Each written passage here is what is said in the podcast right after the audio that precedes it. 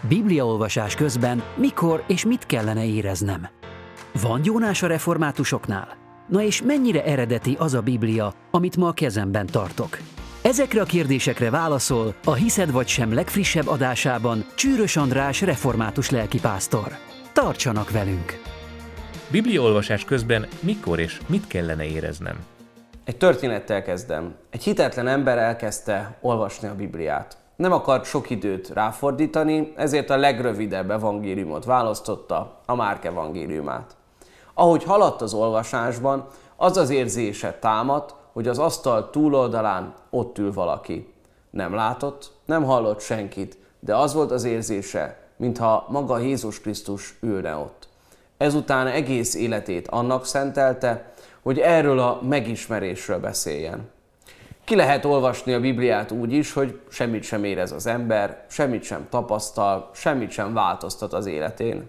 Viszont ha Isten felé nyitottan olvassuk, nem valószínű, hogy ez fog történni. Az Isten szava megszólító, kijelenti nekünk magát, az ő szeretetét, találkozás az élettel. Ha imádságos szívvel olvassuk, és mégsem érzünk semmit, ne adjuk fel. Isten meg fog látogatni. Ezért is szoktuk mi szépen minden nap olvasni a Bibliát, mert Isten azon keresztül minden napra tartogat valamit az ő szavaiból. Van egy jónás a reformátusoknál. A reformátusok olyan értelemben nem gyónnak, ahogy a katolikusok. Nem kell elmondanunk a bűneinket egy papnak, egy közvetítő személynek. Mi közvetlenül Istenhez fordulunk, Jézus Krisztus által.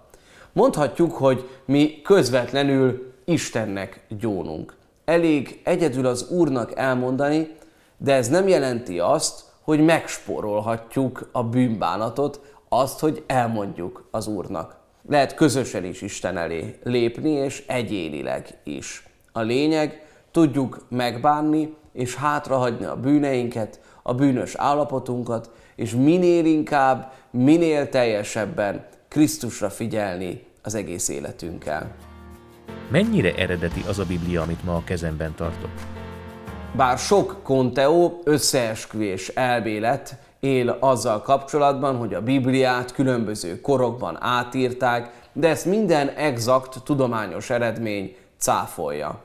Az Ószövetség egy hosszabb, az Új Szövetség pedig egy viszonylag rövidebb ideig tartó időszakban íródott, aminek vannak, hogy így mondjam, rétegei.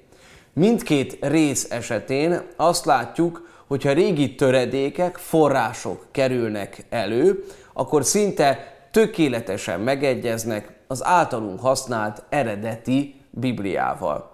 Sok régészeti, tudományos eredményünk van arra nézve, hogy nem lehetett átírni a Bibliát. Az új szövetség esetében pedig egyenesen azt látjuk, hogy az őskeresztjének már elég korán elkezdtek, elkezdték az evangéliumokat, a leveleket olvasni, és körbeküldeni a gyülekezetek között, megosztani egymással.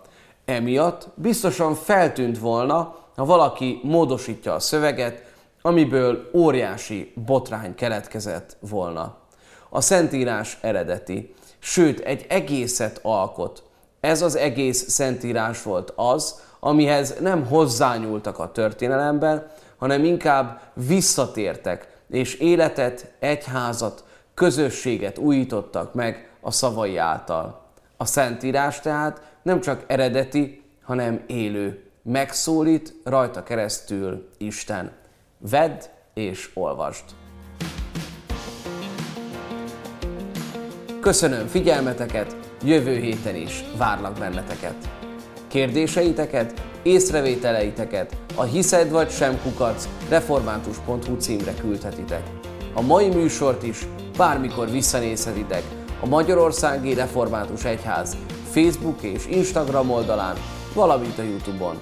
Áldás békesség!